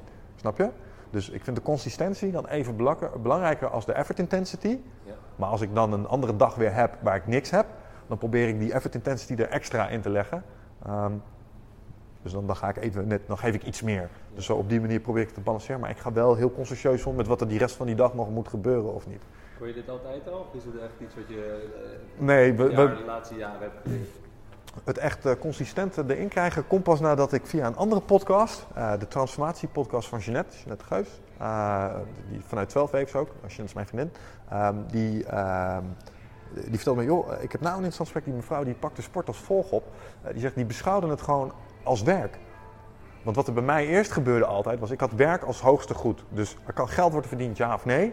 Geld verdienen is het belangrijkste. Want als je ondernemer bent, moet je wel achter je centjes aangaan tot je bepaalde hoeveelheden hebt behaald. Dus als ik mijn targets nog niet heb behaald, is centjes verdienen even het allerbelangrijkste. Ik moet mijn eigen broek omhoog houden. Uh, en als ik dan een keuze moest maken tussen uh, een training, dan had ik keurig mijn Braziliaanse jiu training in de ochtend in de agenda gezet. Ik, ah leuk, ga ik doen. En dan moest ik kiezen. Zo interviews dit, potentieel een business development uh, overleg. En dan zag ik mezelf altijd over die training heen plannen. Structureel. Um, Totdat iemand dus zei, ja, maar die trainingen, die moet je ook zien als werk. Die zijn gewoon hetzelfde als een offerte schrijven, hetzelfde als een kop koffie doen, is sport even belangrijk. En ik nader de Big 4O en dan wordt dat des te meer waar, omdat als ik een beperkingsvrij leven wil blijven leiden straks, uh, dan moet ik uh, functie blijven vragen aan mijn gestel. Dus ik, ik doe een zitten, nou, ik sta veel voor groepen, maar ik zit ook best veel, veel in de auto, veel achter computers. Um, ik merk elke keer dat als ik mijn vitaliteit iets minder prioriteit geef, dan gebeurt er ook iets tussen de oren. En om deze levensstijl uh, vol te houden, moet ik blijven investeren in mijn lichaam. Moet sterk blijven. Doet hormonaal allerlei hele gunstige dingen met je. Um, en, en, ik merk, en ik merk dat de omslag hem zat in dat nog beter onderkennen. Um, ook een paar keer er tegenaan lopen dat als het weer even op een lage pitje was geraakt, dat het ook echt iets tussen de oren doet. Weer even ervaren hoe het is om wel weer er goed in te zitten. En dan denk je, oh ja, dit moet echt gewoon... Dus vooral mentaal merk je dat dan? Ja, en ik merk gewoon dat als ik het doe, dan heeft dat weerslag en transfer op alle andere dingen. Van het werk tot de relatie. Uh, en daarom is het zo ongelooflijk belangrijk. En daarom is het ook werk. Omdat er is, de, je kunt er... Uh, eerder zag ik het meer als iets, uh, het hoort er een beetje bij. En het is ook een beetje vermaak. Weet je, het is ontspannen. Het mag als het werk gedaan is. Nee, nee, nee. Want als je daarin investeert, dan zul je op andere onderdelen in je, lichaam, in je, in je leven zul je meer, uh, ja, er, ja, meer energie, maar ook meer return zien op de dingen die je doet. Ja hoor, dat. Um, en waar het voor mij heel goed in, uh, voor is, is um, de inner bitch een beetje onder controle houden. Want het is echt ongemak. En, en vanuit het ondernemerschap, als je niemand achter je aan hebt zitten, uh, is het best wel verleidelijk zo af en toe te fuck off. Want niemand verwacht iets van mij. Die offerte kan ik ook morgen schrijven. En er zit een, een, een, een stress- en pijnmijdend wezen in iedereen. En die is bij mij ook heel sterk aanwezig. En die kan mij zo af en toe verleiden tot wat ze dan noemen de duistere speeltuin. Uh, dan ga je buiten spelen zonder dat je huiswerk af is. Ja, en dat doe ik aanzienlijk minder als ik ook fanatiek train. Want ik heb de eerste daad van discipline dan al gedaan. Ik heb getraind. Godverdomme, yes, I fucking did it. En nu kan ik de rest van, oh dan is dat ook nog even klein. En dan kan ik dat ook nog wel even doen. En als ik die shit dan af heb, dan is deze dag gewoon een succes. Ik heb gewonnen vandaag. En dat, en dat winnen, de dag winnen, van jezelf eigenlijk, dat voelt zo lekker. Uh, en dat moet je soms, want soms vergeet je dat. En dan, en dan doe je het weer even en je fuck off. En dan, en dan, ik heb echt de golven van echt strak op mijn game zitten. Maar dat, dat werd voorheen, uh, vooral een aantal jaar geleden, werd dat ook altijd gecounterd door periodes dat ik echt even weer onder water dook. En dan, dan, dan waren er echt periodes van, nou ja, creatief hebben het ook wel eens bijna incubatie, zeg maar. Alsof ik een ei aan het leggen was en dat moest er dan weer uitkomen. Uh, en dan kon ik weer heel fanatiek vlammen even. Zo is de hele online, ik heb een online training, uh, bijna 42 uur aan masterclasses, heb ik op die manier gemaakt. Heel fanatiek erop, maar die periode daarna, oh, dan kon je me opvegen. Dan was ik gewoon zes weken bijna niet productief. Ik deed mijn trainingen wel, maar daarnaast deed ik even niks meer, gewoon omdat ik op was. Uh, en ik merk dat op deze manier kan ik veel consistenter zijn. En, en, zijn die pieken en dalen zijn gewoon iets minder, die nivelleer je wat meer. Waardoor je zullen er, ja, mijn, mijn overtuiging, die, die zullen er zijn. Die zullen er zijn. Een periode van zelfreflectie, dan ga je het weer even anders doen. Super belangrijk. En dan ga je weer. Ja, alleen wat ik deed was lange periodes van heel veel effort, gevolgd door lange periodes van heel veel relatieve rust. En wat ik nu beter ben gaan doen, zoals ik heb een maandelijkse cyclus. Uh, elke laatste week van de maand probeer ik iets te doen dat heet de Return Home. Zo, ik weet niet, ben je bekend met het standaard heldenverhaal? Uh, nou ja, misschien is het handig om, uh, om toe te lichten. Ja, nou, het zijn, het, je hebt elk standaard verhaal. een man in de put verhaal. Nee, niet helemaal. Je, je, je, hebt een soort van, je hebt, je hebt drie fases in elk standaard verhaal. Maakt niet uit of je nou naar Lord of the Rings, Star Wars of Hercules zit te kijken of lezen. Het maakt niet uit. Het zijn, het zijn drie fases. De eerste is altijd de introductie in de wereld van de, van de held. Uh, en en dat, dan wordt hij te action gecalled. Dus hij wordt geroepen, uh, je moet iets gaan doen. De wereld wordt bedreigd, je vriendin is uh, gevangen genomen, er, staat een draak op eiland, moet dood, ik weet niet, anything. Um, en vaak heeft de held er geen zin in. The reluctant call to action. Dan komt fase 2. En dat is waar, waar in Hollywood de films over het algemeen over gaan. Zeg maar, dat is het avontuur. Dan komt hij zijn eerste uh, guru tegen. Zijn Yoda, zijn Mr. Miyagi, Gandalf, whoever the fuck. En die leert hem dingetjes en die zet hem op zijn pad. En dan gaat hij zijn reis beginnen. Dan komt hij zijn eerste overwinningen tegen, zijn uitdagingen. Hij leert nieuwe shit. Uh, de eerste verleidingen, maar ook donkere momenten. Dus, dus hè, dat, dat, dat is standaard in elk verhaal. Je kunt in elk verhaal kun je deze fase kun je onderkennen. En je hebt altijd een soort finale conflict. Er moet altijd iemand van een gebouw worden geduwd, er moet een draak worden onthoofd, of er moet iets opblazen en je moet er cool van weglopen. Maar dat is, dat is, en daar houdt Hollywood normaal gesproken op. Want als je kijkt naar Die Hard of welke film dan ook, daar, stopt de film. Dan zie je ze nog even voor een gebouw staan, ze krijgen nog een paar ambulances, krijgen een deken om de schouders en ze lopen weg met z'n tweeën naar de auto en einde film. Maar in de literatuur zit er nog een heel stuk achter. Je kunt je misschien herinneren, dat, uh, heb je Lord of the Rings gezien? Ja, ja, op de, de DVD Extended Version? Ja, op een gegeven moment zit die ring, die hebben ze in die vulkaan gegooid. En dan kijk je op hoe lang... Waarom duurt deze film nog anderhalf uur? Waarom duurt deze film nog fucking... Hè? Hoe dan? Want normaal gesproken is de film dan klaar. Nog even, we wrap it up and we're done. Maar, maar wat Lord of the Rings heel goed doet, is ze laten fase 3 zien, de Return Home. Ze gaan terug naar waar ze vandaan komen. Ze zijn veranderd. Twee van die vier hobbits die zijn daadwerkelijk 30 centimeter gegroeid. In de boeken laten ze dat niet zo goed zien, maar die worden groter door, uh, door wat ze gedronken hebben met die, uh, met die boomend. Maar desondanks, uh, ze zijn veranderd. En daar staan ze bij stil. Uh, en ze hebben rijkdommen meegenomen. En er moet iets worden afgehecht. Je hebt nog een hele emotionele scène waarbij ze op een gegeven moment naar de andere kant gaan. Weet je, dan moeten ze die zee over. Gandalf neemt Frodo mee. Maar dat is een hele wrap-up die in de gemiddelde film helemaal wordt overgeslagen. En dat is de fase waarin de held herstelt, reflecteert, zijn overwinning viert. En wat, wat wij proberen te doen vanuit 12 heeft, dat is een protocol, is eigenlijk iedereen op die standaard heldenreis te zetten. Uh, fase 1 is goede goalsetting. Uh, fase 2 is time management, workflow, efficiency, leiderschap. Fase 3 is rust, rust en reflectie. Je had het er straks over. En die bak ik nu elke maand, dat is een week.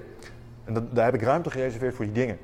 Dus je probeert ja, een beetje net zoals met sporten. Je hebt je, je microcycle en je, je macrocycle. En deload. Heb je, heb je, je deload week, Juist, maand. juist. En, En uh, ik zeg, na, na, drie maanden heb je misschien nog wel twee weken. En uh, na... That's it, want adaptatie vindt plaats in de rust. Ja, is je wordt niet sterker in de sportschool, je wordt op de bank sterker. Terwijl je zeg maar lekker zit te eten en zit Netflixen. Want daar gaat het lichaam herstellen. En, en wat, wat ik een heleboel ondernemers, maar ook informatieprofessionals zoals jij zelf zie doen, is die cyclus niet respecteren. Want het staat heel goed. Je krijgt social brownie points als je balls to the wall, maximum effort, maar blijft doorknallen. Oh, die gast heeft gerust nodig. Dat, dat vieren wij, dat vinden we mooi. Ehm, terwijl als je, als je kijkt naar, maar hoe genereer ik nou op de lange termijn de meeste output? Dat die rustcyclus inbouwen, uh, ervoor zorgt dat je het langer vol kan houden, maar ook dat je sterker wordt, zodat je in elke volgende cyclus meer van die productiviteitsknikkers kunt genereren. Waarom? Omdat een paar dingen die ik in die week standaard doe, is één, ik, ik reserveer tijd voor het opruimen van shit. Ik heb een boekje, dat is mijn systeem. Ik heb een aantal digitale oplossingen die ik gebruik. Dat zijn systemen. Ik heb een huis waar ik kan wonen. Ik heb een stapel met brieven die ik krijg. Uh, altijd blauwe, ellendige dingen. Uh, maar die moet ik ook uh, structureel moet ik die opruimen. Dus ik, ik, bak tijd in om mijn systemen te onderhouden. Maar ik bak ook tijd in voor retro, retro's, retrospective. Als je ooit Scrum Agile hebt gewerkt, dan weet je dat die gasten die doen, die doen retro's naar een sprint. Dan pakken ze een paar standaard vragen en die stellen ze aan zichzelf. Wij doen dat ook. We pakken elke maand pakken we de Hero Retro. Dat is eigenlijk gewoon hey, die heldencyclus waar ik het net over had. Die kun je vertalen naar 12 vragen. En die stellen jou, hey, heb ik de sprong gewaagd? Uh, welke mentoren ben ik tegengekomen? Welke uitdagingen heb ik overwonnen? Wat kan er de volgende keer beter? Dat doe ik elke maand, schrijf ik even op. En dat probeer ik dan te vertalen naar hoe ik dingen de volgende keer aan ga pakken. Dus de volgende cyclus. En dat betekent dus dat als ik merk, ik word veel gestoord door mijn telefoon. Nou, jij hebt aan het ontvangende eind gestaan van mijn uh, uh, I don't give a fuck about mijn telefoonrelatie. Uh, want dat ding dat stoort mij. Dus ik leg hem zo ver mogelijk bij me vandaan. Maar dat heb ik ooit een keer opgeschreven. Te veel storing door telefoon. Net zoals dat ik ooit een keer heb opgeschreven. Te veel, te veel storing ja, door mensen die me gewoon vragen stellen. En, en als je dan in de volgende cyclus zegt, oké, ik ga een diepwerkblok inplannen. Dus dat betekent, ik ga op sommige momenten ben ik voor niemand bereikbaar. Want ik ben geen hersenchirurg, dus niemand heeft mij ooit binnen vier uur nodig zonder dat de wereld vergaat. Dus ik zet alles uit en dan ga ik dan concentratiewerk doen. Oké, cool. Uh, en ik heb geleerd dat als ik dat doe, dan heb ik in die 1 of 4 uur heb ik meer productiviteit als in de hele fucking week. Uh, en krijg ik mijn shit af. Want ik maak, ik maak ik roadmapjes, ik heb planningen van dingen die ik af wil krijgen. Mijn emmetjes heb ik scherp en in welke volgorde ik ze ga volgooien. Dus dan heb ik emmertjes die ik kan volgooien, die kan ik afvinken. En daarmee boek ik uh, heel veel voortgang. Maar die werkwijze die komt alleen tot stand op het moment dat je ergens een keer bent gaan zitten en gaan nadenken over... hé, hey, waarom is het in godsnaam niet gelukt deze week?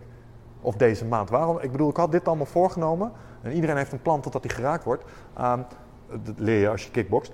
Dus dan zie je, hé, hey, het werkt niet. En waarom werkte het niet? Nou, omdat ze, ze, ze, zo. Oh, daar kun je een oplossing op verzinnen. En dan kun je de volgende ronde beter proberen te doen. Dus je probeert enerzijds probeer je werkprocessen te verbeteren. Maar anderzijds probeer je ook jezelf als persoon te verbeteren. Als ik bijvoorbeeld kijk naar mijn huidige retro's, waar, zit het dan op? Um, nou, ik merk dat ik wel eens in dynamiek kom, vooral als het spannend wordt. Um, ondanks dat ik mensen aansturen verschrikkelijk vind, ben ik weer in een positie gekomen waarbij ik leiderschap moet betrachten. Um, en dan merk ik, als ik ongeduldig word, dan zie je iets in mijn non-verbale communicatie. En dat bespoedigt de processen niet. Ik moet leren, uh, ik luister naar Jocko Willink, dat hebben ze een term, normal face. Maakt niet uit wat er gebeurt. Heel stoïcijns, gewoon ermee dealen. Maar als ik gefrustreerd raak of onder druk kom te staan, uh, is duidelijk dat ik er niet blij mee ben. Uh, en dat is iets wat bijvoorbeeld uit de laatste retro's is gekomen. Dat moet ik verbeteren. En als ik dat goed doe, dan zul je zien dat in de dingen die ik probeer te ondernemen met mijn nieuwe team, gaat het beter. Oh, want zij zullen ook zo gaan doen. En dat, dat heeft effect. Dus ik moet dat doen. En als ik dat doe, gaan we met z'n allen meer eruit halen. Uit, uit die cycli die we doorlopen. Dus zo probeer ik elke keer iteratief de, manier waarop ik dingen doe, iets te verbeteren. Uh, mezelf iets te verbeteren. Maar de belangrijkste stap van die week is vieren omdat uh, iets waar ik een heleboel mensen, uh, professionals, maar ook ondernemers mee zie struggelen, is dat ze een beetje gedemotiveerd raken. Omdat het altijd gaat over de shit die nog niet af is of wat niet goed gaat. En, en wat we nooit doen, is, kijk, ik heb een roadmap. En die roadmap is niet meer als een lijn met bolletjes en daar staan milestones op. En als ik die milestone haal, zet ik een vinkje bij. En elke week kijk ik naar alle vinkjes die ik heb gezet. En daar voel ik me echt blij mee. Ik heb, je, hebt ook, je hebt een roadmap per week? Ja, ik, heb, uh, ik, kan je, ik kan je een boekje laten zien. Als je, ja, ze kunnen het niet zien, maar ik kan, uh, het is eigenlijk gewoon... Uh, ik, heb, ik heb 12 waves, ik heb Nutrofit, ik heb Eindbaas, ik heb wat vitaliteitsdoelstellingen. En ik heb gewoon per draad gezegd, bijvoorbeeld Nutrofit. Wat willen we bereiken? Nou, we willen een eigen koffie. We willen een eigen CBD. We willen ons abonnementenprogramma willen we iets beter op de kaart zetten. We willen een shopmanager. Um, het zijn allemaal gewenste uitkomsten die we hebben. 12 waves. ik wil een certificeringsprogramma. ik heb vijf coaches nu. Die moeten allemaal vier accounts hebben binnen drie maanden. pap, pap, pap. En zo zet ik dat allemaal in een volgorde. Dus dan ga ik heel gestructureerd uh, werk daar op die manier naartoe. Nou, ik ben wel benieuwd. Je, dit nee, klinkt voor mij wel redelijk geniaal. Uh, de, ik, mij, ik strand erin dat ik uh, on, ontspanningsmomenten heb ingepland begin van het jaar die ik niet nakom. Ja. Eén keer in de week inderdaad. Ja. Eén keer in de vier weken op een vrijdag. Um, als we de, even de vertaalslag maken, jij, jij, jij, kan volledig je eigen tijd indelen. Dan kan je zeggen, nou die week dan uh, doe ik het anders dan, uh, dan al die andere weken waar ik super productief ben. Um, als je nu terug zou kijken naar, uh, nou ja, wat is het, vijf jaar geleden toen je nog enerzijds in loondienst was en daarnaast je, je eigen bedrijf probeerde opzetten, hoe zou je wat dan doen? Dat, binnen dat ritme toch die... Toch wat Precies op dezelfde manier. Want dit is exact... Ja, nee, als ik, als ik in company trajecten doe, leer ik ze eigenlijk dit. Wat ik je nu vertel zijn onderdelen uit dat uh, 12 waves protocol. Uh, het werk in iteraties is de derde pijler. Daar zit deze cyclus in, zeg maar. Ik zei net, we hebben die roadmap. Uh, we koppelen er ook nog, dat is het laatste stukje, we vieren dat succes. Dus we kijken naar die voortgang. Maar dat doen we ook door er bijvoorbeeld beloningen aan te koppelen. Zodat zeggen, hey, als ik deze milestone hier heb gehaald, vette nieuwe Garmin hey, als, ik, als ik dat boek daar af heb, of die online training, cabrio. Snap je? Dus op, die manier jezelf belonen voor dingen, afhankelijk van wat je op dat moment... Of wellnessdagje met vriendin, eindelijk eens een keer. Weet je wel? Dat kan groot zijn. Of broodje. Maar mij niet zoveel uit. Beloon jezelf met wat je leuk vindt. Maar het gaat om die cyclus. Kijken naar de voortgang die je hebt geboekt. Daar stil bij staan en het vieren. En al die dingen die ik zojuist zei. Als je kijkt naar de netto tijdsuitgifte die het kost. Die return home activiteiten. Minder dan vier uur. Minder dan vier uur.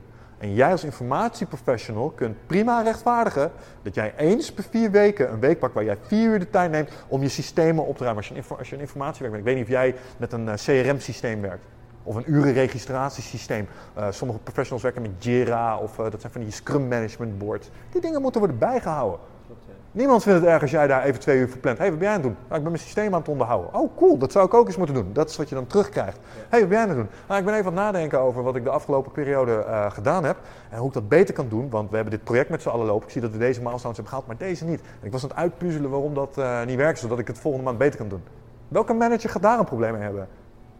Moet je wel bij een apart soort Mickey Mouse organisatie werken als dat niet kan. Dat Snap je? Dus uh, nee, het, uh, ook een informatieprofessional kan dit gewoon doen. Dus want jij zegt dan, dan is vier, uh, één, keer in de, één, één, week in de maand is vier uur, dan voor mij al een heel eind. Ja, en ik zou het nog mooier maken, want dat kun je bij elke baas ook regelen. Mijn tip is, ook voor jou, is beperk in die week je externe overleg. Want jij zit in de auto nu vaak. Maar ik weet zeker dat de helft van de gesprekjes die je doet waren telefonisch ook wel geslaagd. Ik snap het face-to-face relatiemanagement, maar als je een bepaalde basis hebt kun je heel veel per telefoon bereiken en dat elimineert die reistijd. Want ik zie veel professionals in de auto zitten omdat ze geen fuck te doen hebben en dat staat goed om bij de klant langs te gaan. Maar is het het meest efficiënt? Nee. Ik geloof in vitamine R, vitamine relaties, heel belangrijk. Maar ik laat mijn mensen zoveel mogelijk bellen. En, wel elkaar opzoeken als het nodig is, maar er gaat wel heel veel tijd aan verloren. Um, bovendien, uit die overlegjes, daar komt je werk. Als jij daar hebt gezeten, kom je terug met een bak acties. Die moet je oplossen ook een keer, snap je? Dus ik zeg, als je nou één week in de maand alles probeert te... Ja, dat beperkt. Dus probeer extern overleg te beperken. Dus als jij op zoek bent naar ruimte voor een afspraak... en je ziet return home week, dan plan je hem daar niet in. Doe je hem een week later. Waarom? Heb jij meer schermtijd? Want je hebt toch nog genoeg andere shit die je moet doen. Ja. Waar je normaal gesproken toch niet aan toe komt. Dus dan heb je één week. Probeer in die week ook een ander ding uit. Probeer gewoon zoveel mogelijk vanuit huis te werken. Eén keer, perfect. Twee keer, nog beter. Als jij bij een organisatie werkt die thuiswerken niet ondersteunt omdat ze je niet vertrouwen, zoek een andere club. Dat meen ik echt, want uh, jij bent een professional, je doet je stinkende best, daar ga ik vanuit. Uh, en als iemand naar mij komt die vraagt, hey, kan ik die week zoveel mogelijk vanuit huis werken, want ik ga deze set aan dingen doen. En dat heeft een positief effect op de rest. Uh, en ze zeggen nee, dan zit er iets in die persoon wat hem zelf onbetrouwbaar maakt. Snap je? Want als hij thuis zou gaan werken, zou hij waarschijnlijk wel gaan zitten. snap je? Ja, en, en ik denk dat het mensen, en, en het maakt mij echt geen reet uit, als je voor mij werkt of je werkt bij mij of je zat in mijn team en je werkte thuis en je deed ondertussen ook je was. Doe je was. Voelt beter. Want die volgende week zit jij weer op kantoor en dan heb je niet oh, de stapel zwart thuis en die onrust. Want ik ga ervan uit dat als jij voor mij werkt als baas, um, laten we eens uitgaan van de klassieke 9 tot 5 verdeling. Hij is een illusie, maar fuck it. Um, jij doet dingen in die tijd voor jezelf. Maar elke informatieprofessional die ik ken, die was ook na zessen nog aan het werk voor zijn baas. En soms ook nog wel eens in het weekend aan het werk voor zijn baas. Maar daar heeft niemand het over. En ik vind dat jij het daar zelf even over moet hebben met jezelf. Maar dat doe ik toch ook? En dan mag je zelf, hé, hey, dat heb ik goed gedaan. Dus dit kan ik nu echt wel eventjes, dit kan uit. En als jij je verantwoordelijkheden nakomt, dus je haalt je targets, je, je klanten zijn tevreden, uh, je komt je projecten na, dan snap ik niet waar het over gaat. En ik denk dat jij beter in staat bent om die dingen te doen, als jij eens in de zoveel tijd gewoon even tijd kan pakken voor jezelf om daar eventjes om te adapteren. Dat geloof ik echt. Dus zo probeer ik die time management. Uh... Laatste vraag daarover. Sure. We zitten voor mij ook een beetje aan onze tijd. Ja. Over time management. Ik heb het gevoel dat we pas op de helft zitten. Geintje man.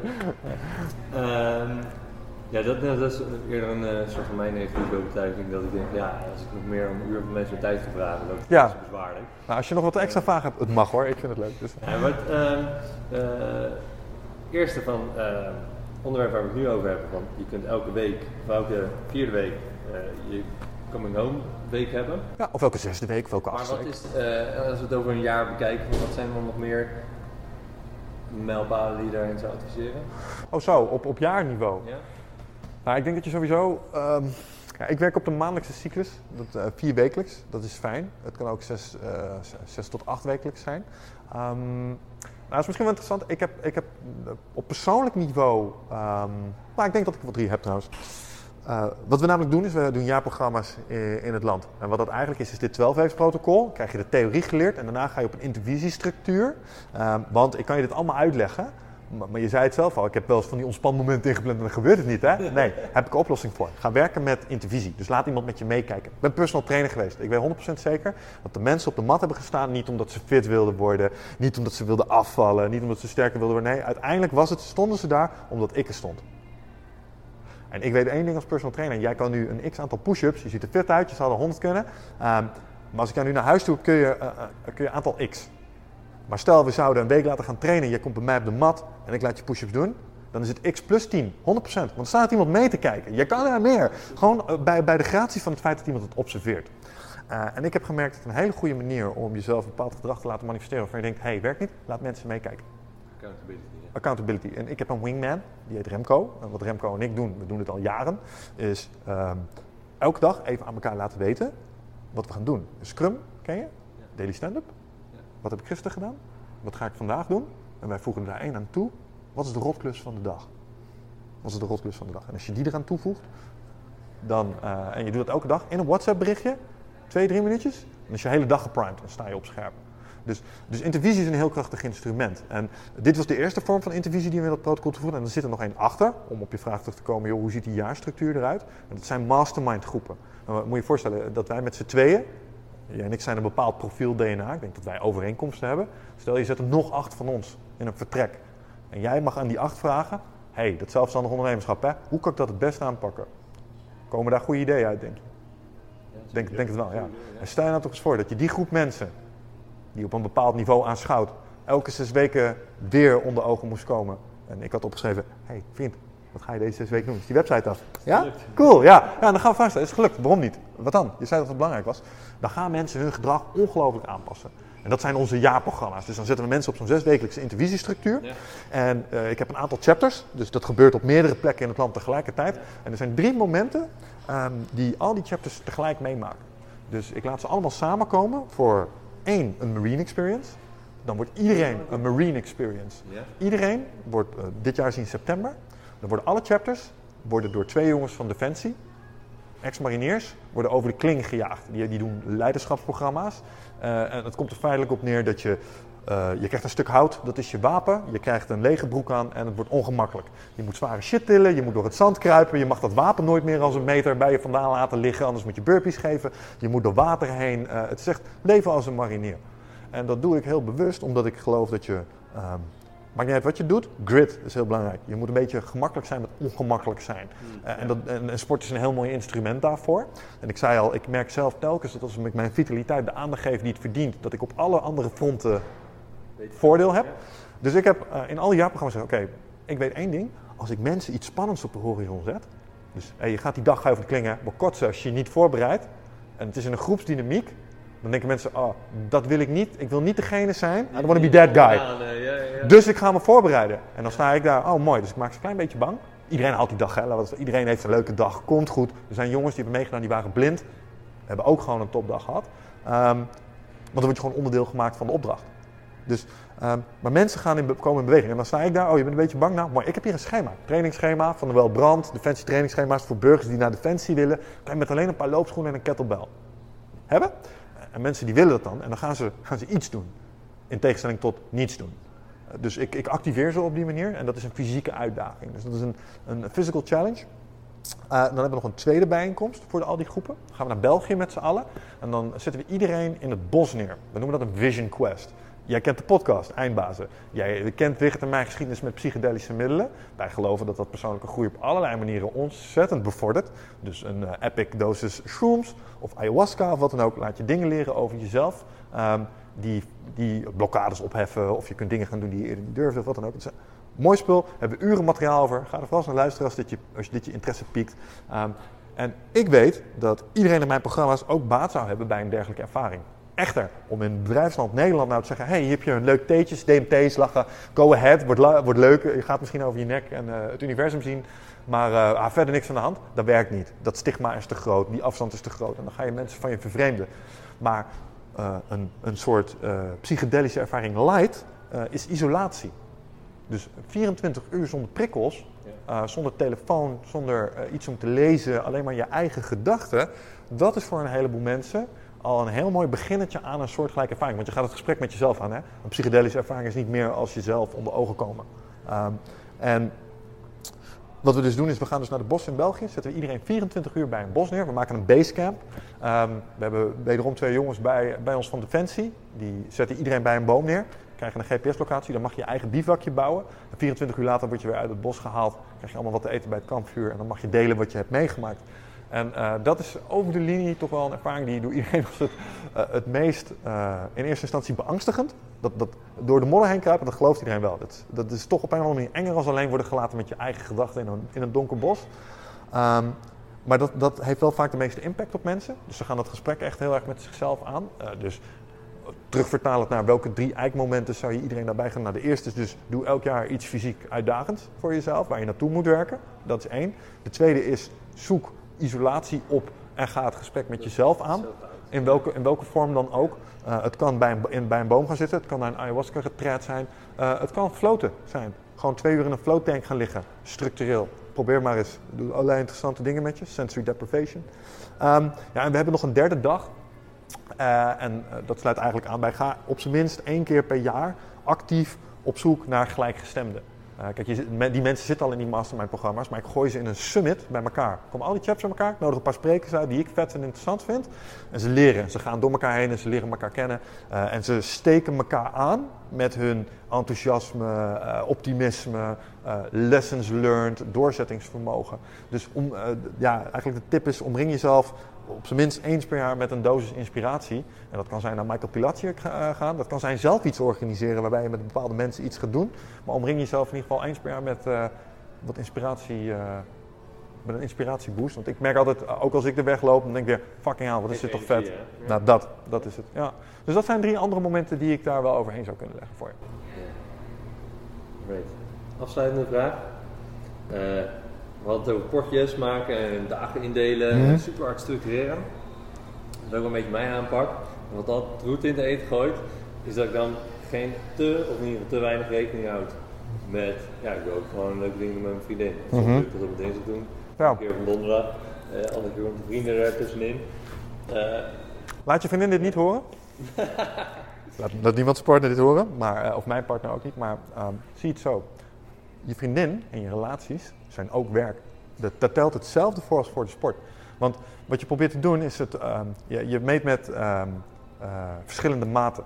Het zijn allemaal uitgiftes van tijd en energie met een doel. Als je het zo benadert, alles wat je doet is een uitgifte van tijd en energie met een doel. Of het nou is om een document af te krijgen, of het nou is om te ontspannen, of het nou is om leuke tijd met je vriendin of wat dan ook waar te maken. En wat je nu doet, is je maakt sommige doelen ondergeschikt aan elkaar. Dus je zegt het werkdoel is belangrijker dan het privédoel. En wat ik doe, is ik heb een, ik heb een masterlist. En daar staan professionele gewenste uitkomsten op, maar ook privé gewenste uitkomsten. Want de meeste mensen die hebben een lijstje met dingen die ze moeten doen. Maar niet een lijstje met dingen die ze bezighoudt. En als jou bezighoudt, mijn relatie met mijn vriendin kan wel wat extra aandacht vereisen. Want anders gaat het niet goed. Ik heb, ik heb zelf ook wel eens relaties uh, zien uh, teloor zien gaan, omdat ik daar een spanningsveld Ik zeg niet dat het bij jou relevant is, maar, uh, maar dat houdt me bezig. Of ik wil gewoon leuk tijd meer, minder werken. Dat wordt op hetzelfde lijstje. Dat moet je op hetzelfde lijstje zetten. En op het moment dat je dat doet en je behandelt als een, als het, als een gelijkwaardig doel als offertes schrijven of rapportages opleveren, dan krijgt het ook de tijd die het verdient. Maar dat is een switch in jouw hoofd. En wat mij altijd helpt bij dat soort dingen, want ik vind het spanningsveld ook moeilijk, uh, tijd voor mezelf. Ik haal mijn wingman erbij. Als ik, als ik iets moet doen waar ik geen zin in heb, en ik moet tijd uitgeven, plan ik het blok in, in mijn agenda. En dan nodig ik Remco erbij uit. En Remco, die, uh, dat gebeurt vaak, dat dan krijg ik een berichtje net ervoor. Hé, hey, niet vergeten om dit te doen hè. Ja, okay, ik moet het doen. Ja, kilometerdeclaraties bijvoorbeeld zijn een heel mooi voorbeeld bij mij. Vind ik altijd kloten, zet ik in de agenda uh, en, dan, en dan breekt die aan en zeg ik, pak you, ik ga lekker wat anders doen. Druk in wegherinnering. Ja, ja en dat, dat doet iedereen. Totdat je er iemand bij uitnodigt die weet dat je het moet doen. En die er een vraag over gaat stellen. En dan doe je het wel. Dan wil ik niet zeggen dat jij je sauna uh, bezoek met je vriendin op die manier moet borgen. Dat zou misschien iets organischer kunnen. Maar als je het echt heel moeilijk vindt, uh, dan is dat wel een manier om het te doen. Het, het gelijk zetten aan de andere doelen. Alright man. Hele hoop inspiratie om uh, ja, eigenlijk het pad waarin ik, ik, op dit moment sta. Uh, ik ben er nu door al die interviews wel over de, over de, over de drempel heen van oké, we gaan bewegen. Mm -hmm. Dus nu, ik weet waar de, waar de, de ultieme uitkomst is. Nog niet helemaal de hoe en wat. Nee. Maar dit is wel echt wel weer voor mij een super goede handvat. De tip die om, uh, ja, om, die, om, die, om die roadmap te bouwen en, en uit te voeren. Uh, de tip die ik jou persoonlijk wil meegeven is denk ik om het uh, niet te binair aan te vliegen. Er is niet een moment, kluk en nou ben ik zelfstandig. Wat je hebt gedaan, van uh, naar 36, naar 32, naar 24 uur, kan, in principe, kan in principe perfect. Als je er maar eerlijk over bent tegen je werkgevers, van hey, dit is mijn intentie, dit wil ik gaan doen. Dan, dan zijn ze vaak sympathieker daarin als je denkt, want een boel mensen durven dit niet uitspreken omdat ze dan bang zijn dat de werkgever in de spas schiet en zegt van, oh, nou, en dan, dat, ze dan dingen gaan doen die niet gunstig zijn voor je. Mij is opgevallen dat als je over de linie gewoon netjes je hand opsteekt en je zegt dat, dat, dat levert heel veel respect op. Uh, en dan, dan kan je wel met ze schakelen. Um, en als dat niet kan, nou, dan ben je helemaal bevestigd in de richting die je neemt. Dan moet je er sowieso weg, denk ik. Dus maar wees niet bang om het mondjesmaat te doen. Want ik denk dat jij wel iets kunt verzinnen waar je uh, centjes mee kunt gaan genereren voor jezelf. En dat is het mooie aan zelfstandig ondernemen ten opzichte van een salaris. Dat moet je voor de grap maar eens doen. Jij zou, ik met je ervaring nu, misschien een mooi uurtarief van 70 tot, tussen de 70 en de 90 euro kunnen vangen. Stel je voor dat jij jezelf 24 uur per week kunt wegzetten voor dat tarief. Dan verdien je nu al meer. Dan verdien je daarmee al meer dan dat je nu doet. Dus, en, dat, en, dat, kun je opbouwen. En als je dat een paar keer goed ziet gaan, je denkt, hé, hey, er komt nu gewoon structureel centjes binnen met dit kleine beetje, 8 uur per week die ik mezelf verkoop. En er is vraag naar nog twee keer zoveel dan ga je op een gegeven moment denken, want je, want je wil die zekerheid een beetje. Uh, dan denk je, oh. Maar als je zit te wachten op die ene klapper die ineens helemaal veilig stelt, uh, dan kun je heel lang wachten. Maar probeer het zo te doen. En word proactief op die uurtjes die je nu vrijmaakt, declarabel maken. Want daar ga je het zien. En dan moet je daarna iets gaan verzinnen dat je van uurtarief naar een productoplossing kan of recurring kan. Maar daar ja, daar zit het beginnetje voor je. En dat is, dat is een van de leukste fases. Dus uh, daar beneden ik je nog wel op. Alright man. Ja, ontzettend bedankt. Graag gedaan. Het duurt, maar prachtig interview zo. Oké, okay, dankjewel. Super. Leuk.